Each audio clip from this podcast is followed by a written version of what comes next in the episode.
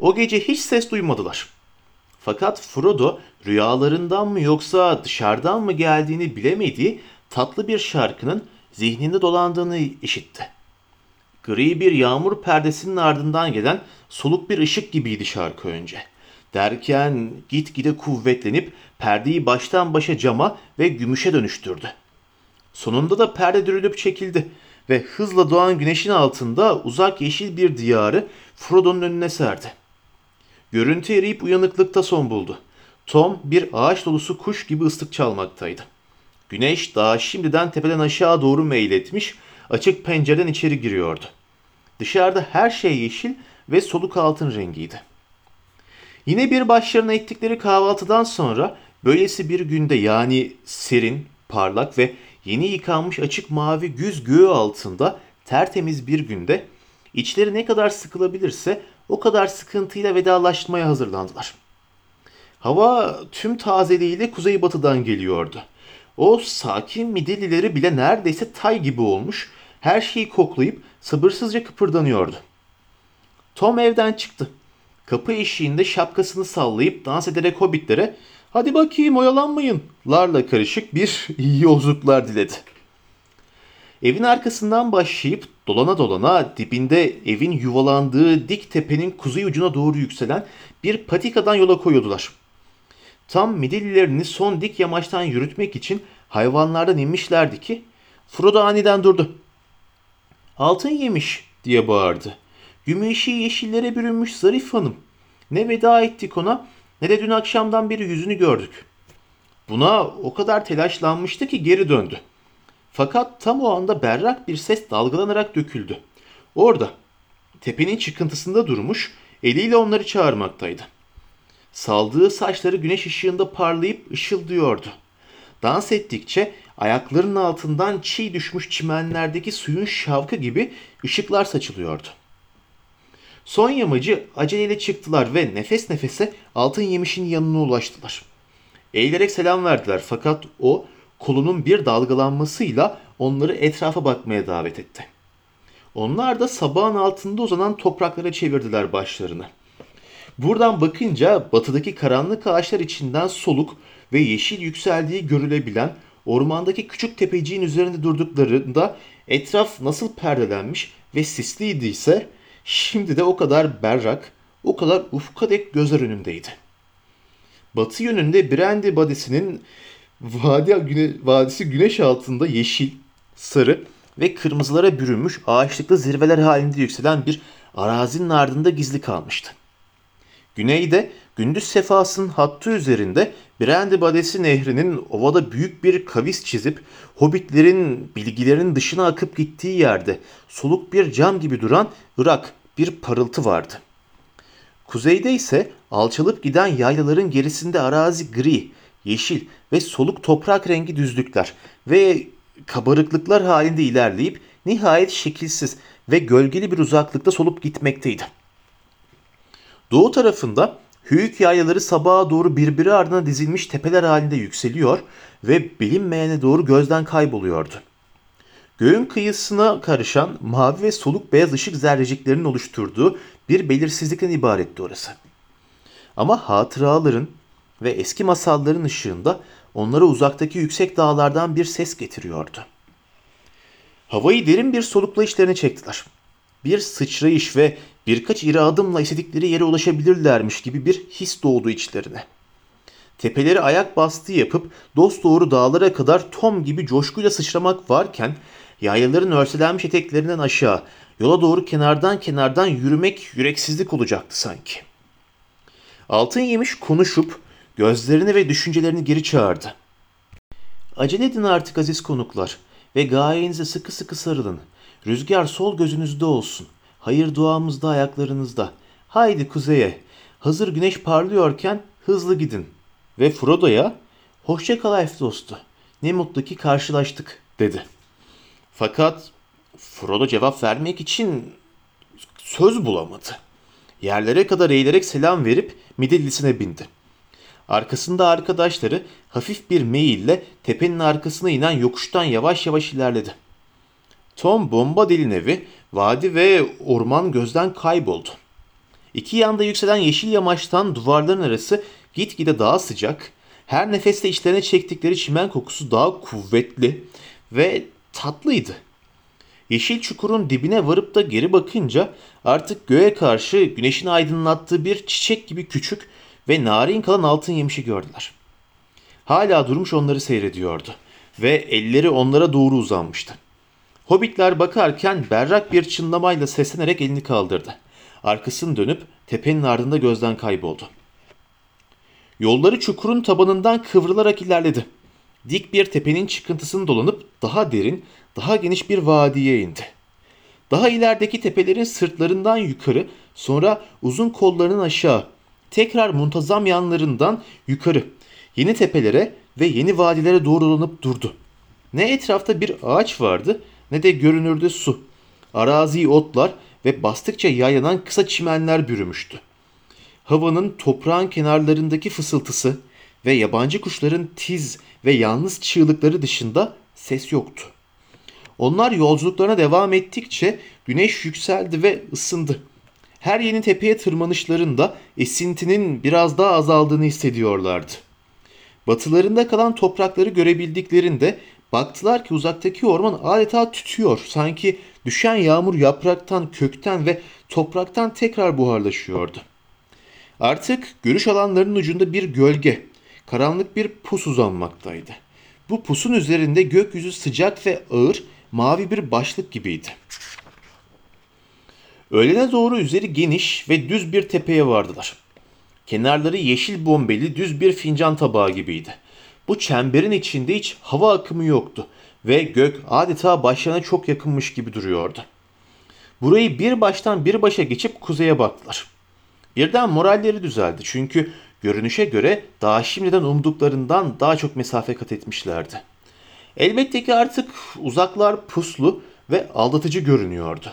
Ama yaylaların sona ermekte olduğuna kuşku yoktu. Altlarında kıvrılarak kuzeye doğru uzanıp sonunda iki dik sırt arasında bir açıklığa varan uzun bir vadi atmaktaydı. Bunun gerisinde başka bir tepe yoktu galiba. Tam kuzeylerinde belli belirsiz seçilen uzun koyu renk bir çizgi uzanıyordu. Bu bir ağaç sırası dedi Mary. Ve yolu sınırlıyor olmalı. Köprünün doğusunda epey bir mesafe boyunca yolun iki yanı açlıktır. Kimileri bu ağaçların kadim günlerde dikildiğini söyler. Hala dedi Frodo. Eğer öğleden sonra da sabahki kadar iyi yol alırsak güneş batmadan yayalardan çıkmış konaklamak için münasip bir yer arıyor olacağız. Fakat daha konuşurken bakışlarını doğuya doğru çevirdi. Ve o tarafta tepelerin daha yüksek, onları yukarıdan bakar olduğunu gördü. Bütün o tepeler yeşil tümseklerle doluydu ve bazılarının üzerinde yeşil diş etlerinden çıkan sivri uçlu dişler gibi göğe dönük dikili taşlar vardı. Bu manzara neden ürpertici geliyordu. O yüzden görüntüye sırtlarını çevirerek çukur dairenin içine indiler. Dairenin tam ortasında tek bir taş, güneşin altında upuzun uzanan ve bu saatte gölgesi hiç olmayan bir taş duruyordu. Biçimsiz fakat yine de anlamlıydı. Tıpkı bir sınır taşı ya da nöbetçilik yapan, daha doğrusu ihtar eden bir parmak gibi. Fakat çok acıkmışlardı ve güneş hala korkudan uzak öğlen vaktindeydi. O yüzden sırtlarını taşın doğu tarafına dayayıp oturdular. Taş sanki güneşin gücü onu ısıtmaya yetmezmiş gibi serindi. Fakat o anda bu onlara çok hoş geldi. Burada yiyeceklerini ve içeceklerini çıkartarak açık göğün altında mükellef bir öğlen yemeği yediler. Çünkü yemek aşağıdan tepe dibinden gelmeydi. Tom o gün rahat etsinler diye onlara bol bol yiyecek tedarik etmişti. Yüklerinden kurtulan midillileri de çimenlerin üzerine yayıldı. Midilli sırtında tepeleri aşmak, tıka basa yemek yemek, ılık güneş, çimen kokusu, gereğinden biraz fazla uzanıp kalmak, bacaklarını uzatmak, burunlarının tepesindeki göğü seyretmek. Bunlar belki de olanları anlatmak için yeterli sayılır. Her nasıl olduysa oldu. Hobbitler aniden ve rahatsız bir şekilde baştan hiç niyetli olmadıkları bir uykudan uyanıverdiler. Dikili taş soğuktu ve uzun soluk gölgesi üzerlerinden doğuya doğru uzanıyordu. Solgun ve sulu sarı renkteki güneş içinde yattıkları çukurun batı duvarının hemen üzerinde pusun arasından parlamaktaydı. Kuzeyde, güneyde ve doğuda duvarın gerisinde sis kalın, soğuk ve beyazdı. Hava sessiz, ağır, ürperti vericiydi. Midillileri birbirine sokulmuş, başları öne eğik duruyordu. Hobbitler telaşla ayağa fırlayıp çukurun batı kenarına koştular. Sisin ortasında bir adadaydılar. Ufuktaki güneş hayıflanarak bakan gözlerin önünde beyaz bir deniz içine battı gitti. Ve arkalarda, doğuda soğuk gri bir gölge yükseldi. Sis duvarlardan yuvarlanıp çıkarak boylarını aştı ve tırmandıkça eğilerek bir çatı haline aldı. Orta direği dikili taş olan sistem bir salonun içine hapsolmuşlardı. Sanki etraflarında bir tuzak kapanmaktaymış gibi bir his doldu içlerine. Fakat yine de tam anlamıyla ümitlerini yitirmediler. İlerlerdeki yolun çizgisinin ümit veren görüntüsünü hala hatırlıyorlardı. Ve ne tarafta olduğunu hala biliyorlardı. Her halükarda taşın etrafındaki o çukur yerden artık o kadar soğumuşlardı ki orada kalmak akıllarından bile geçmedi. Soğuktan donmuş parmaklarının müsaade ettiğince hızla toparlandılar. Kısa bir süre sonra Midillilerini tek sıra halinde çukurun kenarından aşırıp tepenin uzun kuzey yamacından aşağıya, sisli denizin içine doğru sürmekteydiler. Aşağı doğru indikçe sis daha bir soğuk, daha bir rutubetli olmaya başladı. Üzerinden sular damlayan saçları dümdüz yatıp alınlarına yapışmıştı. Aşağıya vardıklarında hava o kadar soğuktu ki durup pelerin ve kukuletalarını giydiler. Kısa bir süre içinde onlar da gri damlalarla ısınıverdi. Sonra Midillilerine binip yollarını zeminin yükseliş ve alçalışlarına göre çıkarmaya çalışarak tekrar yavaş yavaş ilerlediler. Ellerinden geldiğince sabah görmüş oldukları uzun vadinin kuzey ucundaki bahçe kapısına benzeyen girişe doğru yönelmekteydiler. O aralıktan bir geçtiler mi eni konu düz bir hat üzerinden ilerlemeleri yeterliydi. Böylece sonunda yola varabileceklerdi. Düşünceleri daha ilerisine gitmiyordu. En fazla belki de yayaların gerisinde sis olmayacağına dair belli belirsiz bir umut vardı içlerinde. Çok yavaş ilerlemekteydiler. Birbirlerinden ayrılıp ayrı ayrı yönlere dağılmasınlar diye en önde Frodo olmak üzere tek sıra halinde gidiyorlardı. Frodo'nun arkasında Sam vardı. Ondan sonra Pippin, sonra da Merry. Vadi sonsuzmuşçasına uzanıyordu.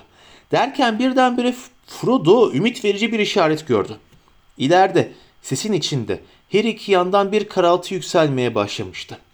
Nihayet dağlar arasındaki açıklığa höyük yayalarının kuzey kapısına yaklaşmış olduklarını düşündü. Eğer buradan geçebilirlerse kurtulacaklardı. Haydi beni takip edin diye bağırdı omzunun üstünden geriye doğru ve aceleyle ilerledi. Fakat kısa bir süre sonra umudu yerini şaşkınlığa ve dehşete bıraktı. Karanlık lekeler daha da karardı ama küçüldü. Birdenbire önünde uğursuzca dikilen, tepesi olmayan bir kapının sütunları gibi birbirlerine doğru eğilmiş dev boyutlu iki dikili taş gördü. Sabah tepeden baktığında vadide buna benzer bir şey gördüğünü hatırlamıyordu. Daha ne olduğunu anlayamadan aralarından geçmişti bile. Ve tam geçerken her yanını karanlıklar sardı adeta. Midillisi burnundan soluyarak geriledi ve Frodo yere düştü. Arkasına dönüp baktığında tek başına olduğunu gördü. Diğerleri onu izlememişlerdi. Sam diye bağırdı. Pippin, Mary geri kalmasanıza. Cevap yoktu. Korkuya kapıldı. Deliler gibi bağırarak taşların arasından geriye koştu. Sam, Sam, Mary, Pippin. Midilli fırlayıp sesin içinde kayboldu. Sanki uzaklardan bir yerden bir ses duyduğunu zannetti. Huu, Frodo, huu. Gözlerini kısmış, kasvetli karanlıkta bir şeyler seçmeye çalışarak o büyük taşların dibinde dikiliyordu ve ses solundan, doğudan gelmişti. Sesin geldiği yöne doğru atıldı ve kendini dik bir yokuşta buldu. Zorlukla ilerlerken tekrar tekrar ve gitgide daha telaşla seslenmeye devam etti. Fakat bir süre hiç cevap alamadı. Sonra çok zayıf, çok uzaktan, tepesinden bir yerden duyar gibi oldu. Frodo, hu diye geldiğince sesler sesin içinden. Daha sonra imdat, imdat diye tınlayan bir bağırtı birkaç kez tekrarlandı. Son bir imdat sesi yükseldi. tiz bir feryada dönüşüp uzun uzun yankılandı ve aniden kesildi. Apar topar ileri, seslere doğru bütün hızıyla ilerledi Frodo. Fakat artık ışık gitmişti. Her yanı saran gece dört bir yanından kapanmıştı. Öyle ki yön tayin etmek imkansızdı. Sanki durmadan yukarı, yukarı doğru tırmanıyor gibiydi. Nihayet bir tepeye vardığını sadece ayağının altındaki zeminin düzleşmesinden çıkarabildi. Yorgundu. Hem terliyor hem titriyordu. Etraf tamamen karanlıktı. Neredesiniz? diye bağırdı perişan bir halde. Hiç cevap yoktu. Durup etrafı dinledi. Birdenbire havanın soğumakta olduğunu ve burada yüksekte buz gibi bir rüzgarın esmeye başladığını fark etti. Hava değişiyordu. Artık sis ip ip parça parça çevresinden akıp geçmekteydi. Ağzından buhar çıkıyordu ve karanlık daha az yakın, daha az koyu görünüyordu. Yukarıya baktı ve tepesine aceleyle geçen şerit halindeki bulutlar ve sis arasından solgun yıldızların belirmekte olduğunu gördü hayretle. Rüzgar otların üzerinde hışırdamaya başlamıştı. Birdenbire soğuk bir çığlık duyar gibi oldu ve o tarafa yöneldi. Daha o ilerlerken sisle dürülüp çekildi. Yıldızlı gök gözler önüne serildi. Şöyle bir bakınca yüzünün güneye dönük olduğunu ve herhalde kuzey yanından tırmanmış olacağı yuvarlak bir tepede bulunduğunu fark etti. İçine işleyen rüzgar doğudan esiyordu. Sağ yanında batı yıldızlarına karşı koyu kara bir şekil yükselmekteydi. Orada büyük bir höyük vardı. Neredesiniz? diye bağırdı tekrar. Hem kızgın hem korkuyla. Burada dedi. Sanki toprağın içinden gelen derin ve soğuk bir ses. Seni bekliyorum. Hayır dedi Frodo. Fakat kaçmadı. Dizleri boşaldı ve yere düştü. Hiçbir şey olmadı. Etrafta hiç ses yoktu. Titreyerek başını kaldırdığında uzun boylu karanlık bir şeklin yıldızların önünde bir gölge gibi yükseldiğini gördü. Gölge üzerine eğilmişti. Adeta çok uzaklardan gelen bir ışıkla parlayan ama çok soğuk bir çift göz görür gibi oldu. Sonra demirden daha güçlü ve daha soğuk bir el onu kavradı. Bu buz gibi temas kemiklerine kadar işledi ve bilincini kaybetti. Tekrar kendine geldiğinde bir süre korku hissinden başka bir şey hatırlayamadı. Sonra ansızın hapsedildiğini, umutsuzca yakalanmış olduğunu anladı. Bir höyüğün içindeydi. Onu bir höyüklü kişiyle geçirmişti. Ve belki daha şimdiden hakkında fısıltı söylentilerin anlatıldığı höyüklü kişilerin o korkunç büyüleri altına girmişti bile. Kıpırdanmaya cesaret edemedi. Kendini nasıl bulduysa öyle kaldı. Elleri göğsünde soğuk bir taş üzerine sırt üstü uzanmış vaziyette. Fakat duyduğu korku onu çevreleyen karanlıkla yek vücutmuş gibi görünecek kadar büyük olduğu halde yattığı yerden Bilbo Baggins'i ve onun öykülerini, birlikte yollar ve maceralar hakkında konuşarak şairin patikalarında yürüyüşlerini düşünür buldu kendine. En şişman ve en ürkek Hobbit'in yüreğinde bile, genellikle iyice derinlerde de olsa, çaresiz bir tehlike karşısında büyümeyi bekleyen son bir cesaret tomurcuğu gizlidir.'' Frodo ne çok şişmandı ne de çok ürkek. Aslında o bunu bilmese de Bilbo ve Gandalf onun şairdeki en sıkı hobbit olduğunu düşünürlerdi. Macerasının sonuna geldiği kanısındaydı. Korkunç bir sona fakat bu düşünce onu katılaştırdı. Son bir sıçrayış yapacakmışçasına gerilmeye başladığını fark etti. Artık kendisini çaresiz bir avmış gibi hissediyordu. Öylece düşünerek ve kendisine hakim olmaya çalışarak yatarken bir anda karanlığın yavaş yavaş zayıflamakta olduğunu fark etti. Etrafında soluk yeşil bir ışık büyümekteydi. İlk başta ışık nasıl bir yerde olduğunu göstermeye yetmiyordu çünkü adeta ondan ve yerden yanından çıkıyordu. Henüz tavana veya duvarlara ulaşmamıştı. Döndü ve o soğuk parıltıda Sam, Pippin ve Merry'nin yanında yatmakta olduklarını gördü. Sırt üstüydüler. Yüzleri ölü gibi renksizdi ve beyazlar içindeydiler.'' Etraflarında bir sürü mücevher vardı. Belki de altından yapılmış bir sürü şey. Ama bu ışıkta hepsi soğuk ve sevimsiz duruyordu. Başlarında minik taşlar vardı. Bellerinde de altın zincirler. Parmakları yüzük doluydu. Yanlarında kılıçlar, ayak uçlarında kalkanlar seriliydi. Fakat üçünün boynunun üzerinde bir boydan bir boya uzun çıplak bir kılıç yatırılmıştı. Aniden bir şarkı başladı. Bir yükselip bir alçalan soğuk bir mırıltı. Bazen havada yükseklerde ve tiz, bazen sanki topraktan yükselen alçak bir homurtu gibi bir sesti. Kulağa çok uzaktan ve ölçülemeyecek kadar kasvetli geliyordu. Hüzünlü fakat korkunç seslerin biçimsiz ırmağı içinden arada sırada bir dizi söz belirmekteydi. Merhametsiz, sert, soğuk sözler. Kalpsiz ve bedbaht. Gece mahrum kaldığı sabaha hücum ediyor, soğuk açlığını çektiği sıcaklığı lanetliyordu. Frodo iliklerine kadar donmuştu. Bir süre sonra şarkı netleşti ve Frodo için dolduran korkuyla şarkının büyü mısralarına dönüştüğünü fark etti. Soğuk olacak elde, kalpte, kemikte, soğuk olacak bu uyku taştan kabrin içinde. Bir daha hiç uyanmayacak mekanı bu taştan yatak. Güneş bitip ay ölene dek hiç uyanmayacak. Kara yeller içinde ölecek bir bir yıldızlar. Yine de bırak yatsın burada altın üzerinde onlar. Ta ki karanlıklar efendisi, ölü deniz ve çorak topraklar üstünde elini kaldırana kadar.'' Başının arkasından bir gıcırtı ve sürtme sesi duydu. Bir kolu üzerine doğrulup bakınca artık o soluk ışıkta bir çeşit koridorda olduklarını gördü. Hemen gerilerinde koridor bir dönemecin ardında gözden kaybolmaktaydı. Dönemecin köşesinden uzun bir kol dönmüş, parmakları üzerinde yürüyerek en yakınında yatmakta olan Seme ve onun üzerine duran kılıcın kabzasına doğru ilerliyordu.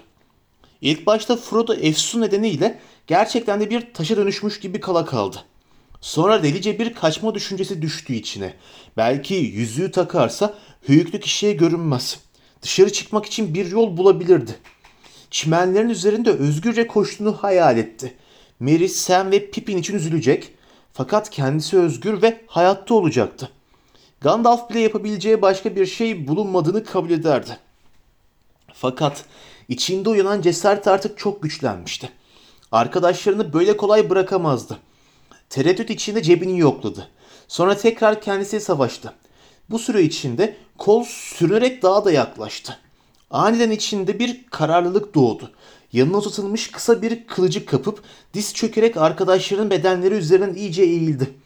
Kalan bütün gücüyle emeklemekte olan kolun bileğine tekrar tekrar indirdi kılıcını ve el koptu. Fakat aynı anda kılıç da kabzasına kadar yarıldı. Tiz bir çığlık yükseldi ve ışık yok oldu. Karanlıkta bir hırıltı duyuldu. Frodo Merry'nin üzerine düştü. Merry'nin yüzü soğuktu. Bir anda sesin ilk çökmesiyle birlikte unutmuş olduğu tepe dibindeki evin ve şarkı söyleyen Tom'un hatırası geldi aklına. Tom'un onlara öğrettiği tekerlemeyi hatırladı. Ümitsiz minik bir sese söylemeye başladı. Hey Tom bomba değil. Ve sanki bu isimle birlikte sesi daha bir kuvvetlendi. Tok canlı bir tınısı vardı ve karanlık oda trampet ve boru çalınıyormuş gibi yankılanıyordu.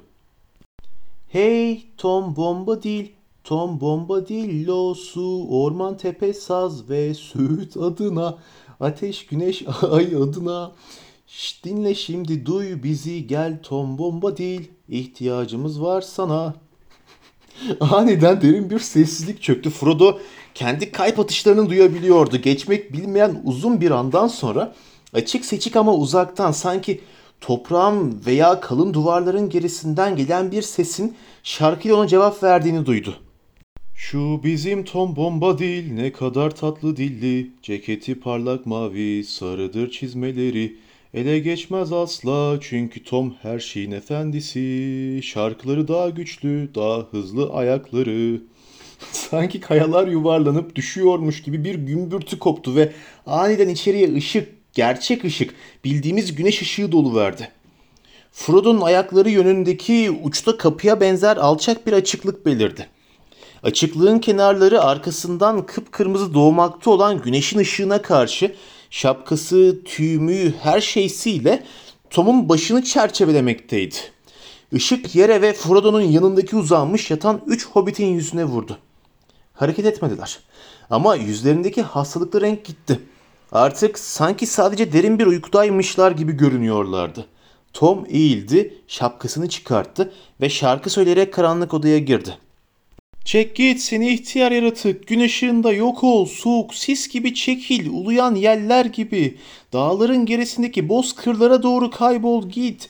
Bir daha buraya gelme hiç, höyüm boş kalsın. Karanlıktan da kara, kapıların sonsuza dek kapalı olduğu yerde kaybolasın, unutulasın, dünya düzeltilinceye de kadar.'' Bu sözler üzerine Frodo bir çığlık duydu ve odanın arka ucunun bir bölümü büyük bir gümbürtüyle çöktü. Sonra bunu mesafesi tahmin bile edilemeyecek bir yere doğru zayıflayarak uzayıp giden bir feryat izledi. Sonra sessizlik oldu. Gel dostum Frodo dedi Tom. Gel tertemiz çimenin üzerine çıkalım. Onları taşımama yardım etmen gerekecek. Birlikte Merry'i, Pippin'i ve Sam'i taşıdılar. Frodo son kez höyükten çıkarken bir toprak yığını içinde kesik bir elin yaralı bir örümcek gibi hala kıvranıp durduğunu görür gibi oldu. Tom tekrar içeri girdi. İçeriden gümbür gümbür ayak vurma sesleri duyuldu. Dışarı çıktığında elleri kolları hazinelerle doluydu. Altından, gümüşten, bakırdan, bronzdan şeyler, boncuklar, zincirler, taşlı ziynetler. Yeşil höyüğün üzerine tırmanarak bunları höyüğün tepesine, güneş altına bıraktı. Elinde şapkası saçlarında rüzgarla burada durdu ve tümseyin batı yanına otların üzerine sırt üstü yatırdıkları üç hobite baktı. Sağ elini kaldırarak berrak ve emreden bir sesle şöyle dedi. Artık uyanın şen gençler, uyanın duyun beni. Kalbiniz, eliniz, kolunuz ısınsın. Soğuk taş devrildi. Kara kapı sonuna kadar açık. Ölümün eli kırıldı. Gecenin altındaki gece uçtu ve büyük kapı açıldı. Frodo'nun sevinçli bakışları altında hobbitler kıpırdadılar. Kollarını gerdiler, gözlerini ovuşturdular ve birdenbire ayağa fırladılar. Şaşkınlık içinde etraflarına, önce Frodo'ya, sonra tepelerindeki höyüğün üzerindeki kanlı canlı dikilen Tom'a, en son olarak da kendilerine baktılar. Büründükleri incecik ak paçavralara, soluk altın taç ve kemerlerine, üzerlerinde şıngırdayan incik boncuğa baktılar. Bu ne ola ki diye başladı Mary. Gözlerinden birinin üzerine kaymış olan minik altın tacı elleyerek. Sonra durdu. Yüzü gölgelendi ve gözlerini kapadı. Tabii hatırladım dedi. Karn dumlular gece karanlığında baskın verdi. Bizi telef ettiler. Ah kalbime giren o mızrak. Göğsünü tuttu. Hayır hayır dedi gözlerini açarak. Ben ne diyorum? Rüya görüyordum. Nerelerdeydin Frodo? Kayboldum zannediyorum dedi Frodo. Ama bu konuda konuşmak istemiyorum. Esas bundan sonra ne yapacağımızı düşünelim. Yola devam edelim. Bu kılıkla mı beyim dedi Sam. Giysilerim nerede? Tacını, kemerini ve yüzüklerini otların üzerine fırlattı. Pelerinini, ceketini, pantolonunu ve diğer hobbit giysilerini yakınlarda bir yerde bulmayı umarcasına çaresizce etrafına bakındı. O giysileri bir daha bulamayacaksınız dedi Tom. Tepecikten sıçrayarak indi. Güneş ışığında gülerek etraflarını dans etmeye koyuldu. Ona bakan hiç de öyle tehlikeli veya korkunç bir şey yaşamamış olduğunu zannederdi. Gerçekten de onu izleyip gözlerindeki neşeli pırıltıyı görünce gönüllerindeki korku eridi gitti. Ne demek istiyorsun diye sordu Pipin ona bakıp. Bir yandan aklı karışmıştı, bir yandan da eğleniyordu. Neden bulamayacakmışız? Fakat Tom, derin suların içinden kendinizi buldunuz dedi başını sallayarak. Bu olmaktan kurtulduysanız giysinin pek bir önemi olmaz gözünüzde. Memnun olun neşeli dostlarım. Bırakın şimdi sıcak güneş ışığı kalbinizi, ellerinizi, ayaklarınızı ısıtsın. Bu soğuk paşavraları atın. Çimenlerde çırılçıplak koşun. Tom da bu arada gidip avını avlasın. Islık çalarak ve uzaklara seslenerek tepeden aşağıya doğru sıçrayıp gitti. Arkasından bakınca Frodo onun güneye doğru, onların bulunduğu tepe ile komşu tepe arasındaki yeşil vadi boyunca ıslık çalmaya ve seslenmeye devam ederek koşmakta olduğunu gördü. Hey lom, geliver lay lay lom, uğrun ne yana, yukarı mı aşağı mı, uzaya mı, yakına mı, ya buraya ya oraya, keskin kulak, bilgi burun, hışırtılı kuyruk, ahmak, küçücük oğlum, beyaz çorap, ihtiyar hantal tombiş demek.'' Dilinde bu şarkıyla ve şapkasını havaya atıp tutarak hızla koşmaktaydı. Nihayet arazideki bir yükseltinin arkasında gözden kayboldu. Fakat bir süre daha hey lom lay lomları güneye doğru yer değiştiren rüzgarda taşınarak onlara kadar gelmeye devam etti. Hava yeniden ısınmaya başlamıştı. Hobbitler bir süre sonra Tom'un söylediği gibi çimenlerin üzerinde koşuşturdular. Sonra buz gibi kışı yaşarken kendilerini birden dost bir iklimde bulan ya da uzun bir süre hasta yatmışken günün birinde uyanıp hiç ummadıkları bir şekilde iyileşmiş olduklarını ve günün yine umut vaat ettiğini fark eden kişilerin mutluluğuyla uzanıp güneşin keyfini çıkardılar. Tom geri döndüğünde kendilerini güçlü ve aç hissediyorlardı. Önce şapkası sonra Tom tepenin sırtında yeniden belirdi. Arkasından da itaatkar bir sıra içinde altı midilli geliyordu. Onların beş midillisine ilaveten bir midilli daha. Belli ki sonuncusu Hantal Tombiş'ti. Onların midillilerinden daha büyük, güçlü, iri ve yaşlı bir hayvandı bu. Diğer Medeliler Mary'e aitti. O da onlara böyle isimler vermemişti aslında. Ama Medeliler o günden sonra ömürleri boyunca Tom'un onlara taktığı bu yeni isimleri benimsediler. Tom onları birer birer çağırdı. Medeliler de tepenin sırtını aşıp bir sıra halinde durdular. Sonra Tom hobbitlere eğilerek selam verdi. İşte Medelileriniz dedi. Onların bazı bakımlardan siz gezgin hobbitlerden daha çok sağduyusu var. Burunları daha hassas. İleride tehlike varsa onlar kokusunu alıyor. Sizse gözü kapalı giriyorsunuz. Eğer canlarını kurtarmak için kaçıyorlarsa doğru yana kaçıyorlar. Onları affetmelisiniz. Çünkü gönülleri sadık da olsa höyüklü kişiler karşısında kavi durmak için yaratılmamışlar. Bakın yine geldiler işte yükleriyle birlikte. Mary Sam ve Pippin denklerindeki yedek giysilere büründüler. Çok geçmeden de iyice sıcakladılar. Çünkü yaklaşmakta olan kış için taşıdıkları daha kalın şeyleri girmek zorunda kalmışlardı. Diğer yaşlı hayvan şu hantal tombiş nereden çıktı diye sordu Frodo. O benim dedi Tom. Benim dört ayaklı dostum. Gerçi ona pek binmem. O da çoğunluk uzaklara vurur. Tepelerin yamaçlarında başıboş dolaşır. Medilleriniz bizde kaldığında Hantal'la tanışmışlardı. Gece onun kokusunu alıp bir kuşu yanına varmışlar. Onlara göz kulak olacağını ve bilgece sözleriyle korkularını alacağını düşünmüştüm. Ama şimdi güzel hantalım, yaşlı Tom sana binecek. Hey, o da sizinle geliyor. Sırf sizi yola koyabilmek için. O yüzden de bineğe ihtiyacı var. Çünkü Medilli'ye binmiş hobbitlerin yanında yayan koştururken bir de sohbet etmek zor iştir hani. Hobbitler bunu duyduklarına çok sevinmişlerdi. Tom'a tekrar tekrar teşekkür ettiler. Ama o güldü ve yollarını şaşırma konusunda o kadar becerikli oldukları için onları kendi toprağının sınırları dışına çıkartıncaya kadar rahat edemeyeceğini söyledi. Bir sürü işim var dedi. Yaptıklarım, şarkılarım, konuşmalarım, gezinmelerim, memleketi gözleyişim. Tom kapıları ve söğüt kovuklarını açmak için her dakika el altında duramaz. Tom'un gözetmesi gereken bir evi var. Altın yemiş de bekliyor. Güneşe göre vakit oldukça erken, daha ancak 9-10 gibiydi. Hobbitler yemek konusuna eğildiler. Son yedikleri yemek bir gün önce dikili taş yanında yedikleri öğlen yemeği olmuştu. Şimdi de Tom'un verdiği erzaktan artan ve aslında akşam yemeği olması düşünülmüş yiyecekleri ilaveten Tom'un bu kez yanında getirdikleriyle kahvaltı ettiler. Pek büyük bir yemek değildi. Hobbitler ve koşullar göz önüne alındığı takdirde. Ama keyiflerini iyice yerine getirdi. Onlar yemeklerini yerken Tom tümseyin tepesine çıkarak hazineyi elden geçirdi. Parçaların çoğunu parlayan ve ışıldayan bir öbek halinde çimenlerin üzerine yığdı. Bu yığına, o, yığına orada kalıp kuş, hayvan, elf veya insan iyi yürekli yaratıklardan kim bulursa emrine amade olmalarını buyurdu. Böylece tümseyin büyüsü bozulacak, dağılacak ve bir daha hiçbir höyüklü kişi oraya geri dönemeyecekti. Yığının içinden kendisi için keten çiçeği ya da mavi kelebeklerin kanatları gibi birkaç tonun oluşan mavi taşlı bir broş seçti. Sanki bir şey hatırlatırmışçasına uzun uzun baktı broşa. Nihayet başını sallayarak konuştu. İşte Tom'la hanımına güzel bir oyuncak. Uzun yıllar önce bunu pek güzel bir omzuna takardı. Şimdi altın yemiş takacak ve biz o ilk takını unutmayacağız. Her bir hobbit için uzun ve ince, yaprak biçimli, mükemmel bir işçiliğe sahip, kırmızı ve altın renginde yılan biçimleriyle renklendirilmiş birer kama seçti.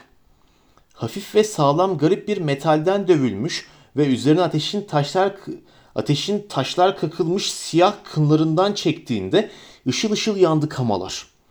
Bu kınlarındaki bir faziletten mi yoksa höyükteki büyüden midir bilinmez zamanın etkilenmemiş, paslanmamış, keskin ve parlak duruyorlardı güneşin altında. Eski kamalar hobbit ahalisi için kılıç kadar uzun sayılır, dedi Tom. Eğer şair halkı doğuya, güneye ya da uzağa, karanlıklara, tehlikenin içine gidecekse yanlarında keskin bıçak bulundurmakta fayda var. Sonra onlara bu kamaların uzun yıllar önce Batı il insanları tarafından dövülmüş olduğunu anlattı. Karanlıklar efendisinin düşmanıydı bu insanlar.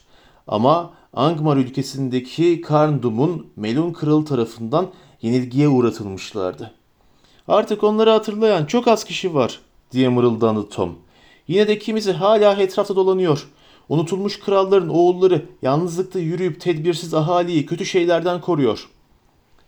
Hobbitler Tom'un sözlerini anlamadılar fakat o konuşurken sanki geçmişte kalmış engin yılları görür gibi oldular bir an.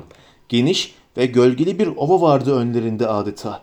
Üzerinden parlak kılıçlar kuşanmış, uzun boylu ve kararlı insan silüetleri geçiyordu. En sonunda da alnında yıldız olan bir adam göründü. Sonra görüntüsü soldu ve tekrar güneş ışığının aydınlattığı dünyaya geri döndüler. Yeniden yola koyulma zamanı gelmişti. Denklerini toplayıp midillilerini yükleyerek hazırlandılar.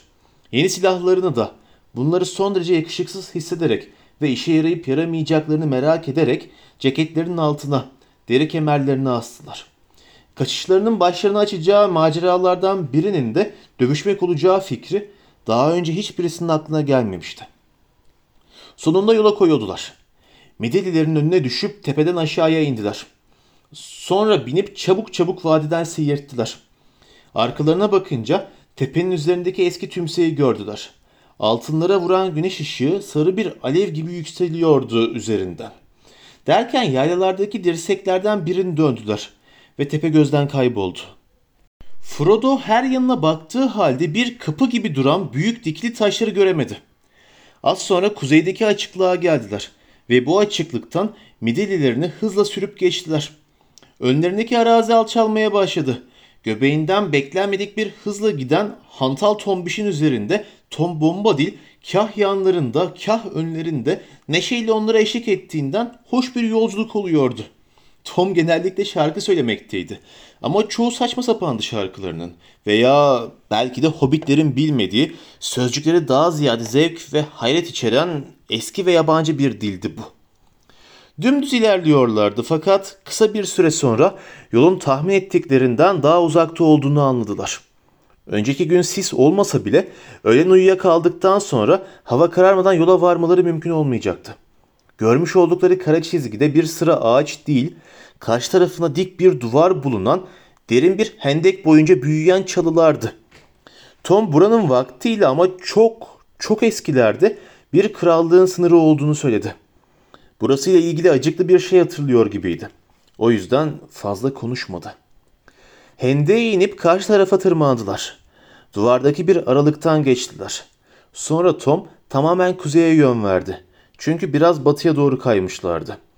Önlerinde açık ve oldukça düz bir arazi uzanıyordu artık. Onlar da adımlarını sıklaştırdılar.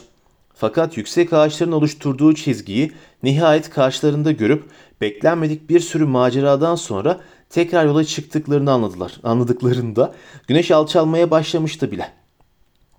Son birkaç fersah midillilerini koşturarak geçip ağaçların uzun gölgeleri altında durdular. Meyilli bir tümseyin üzerindeydiler.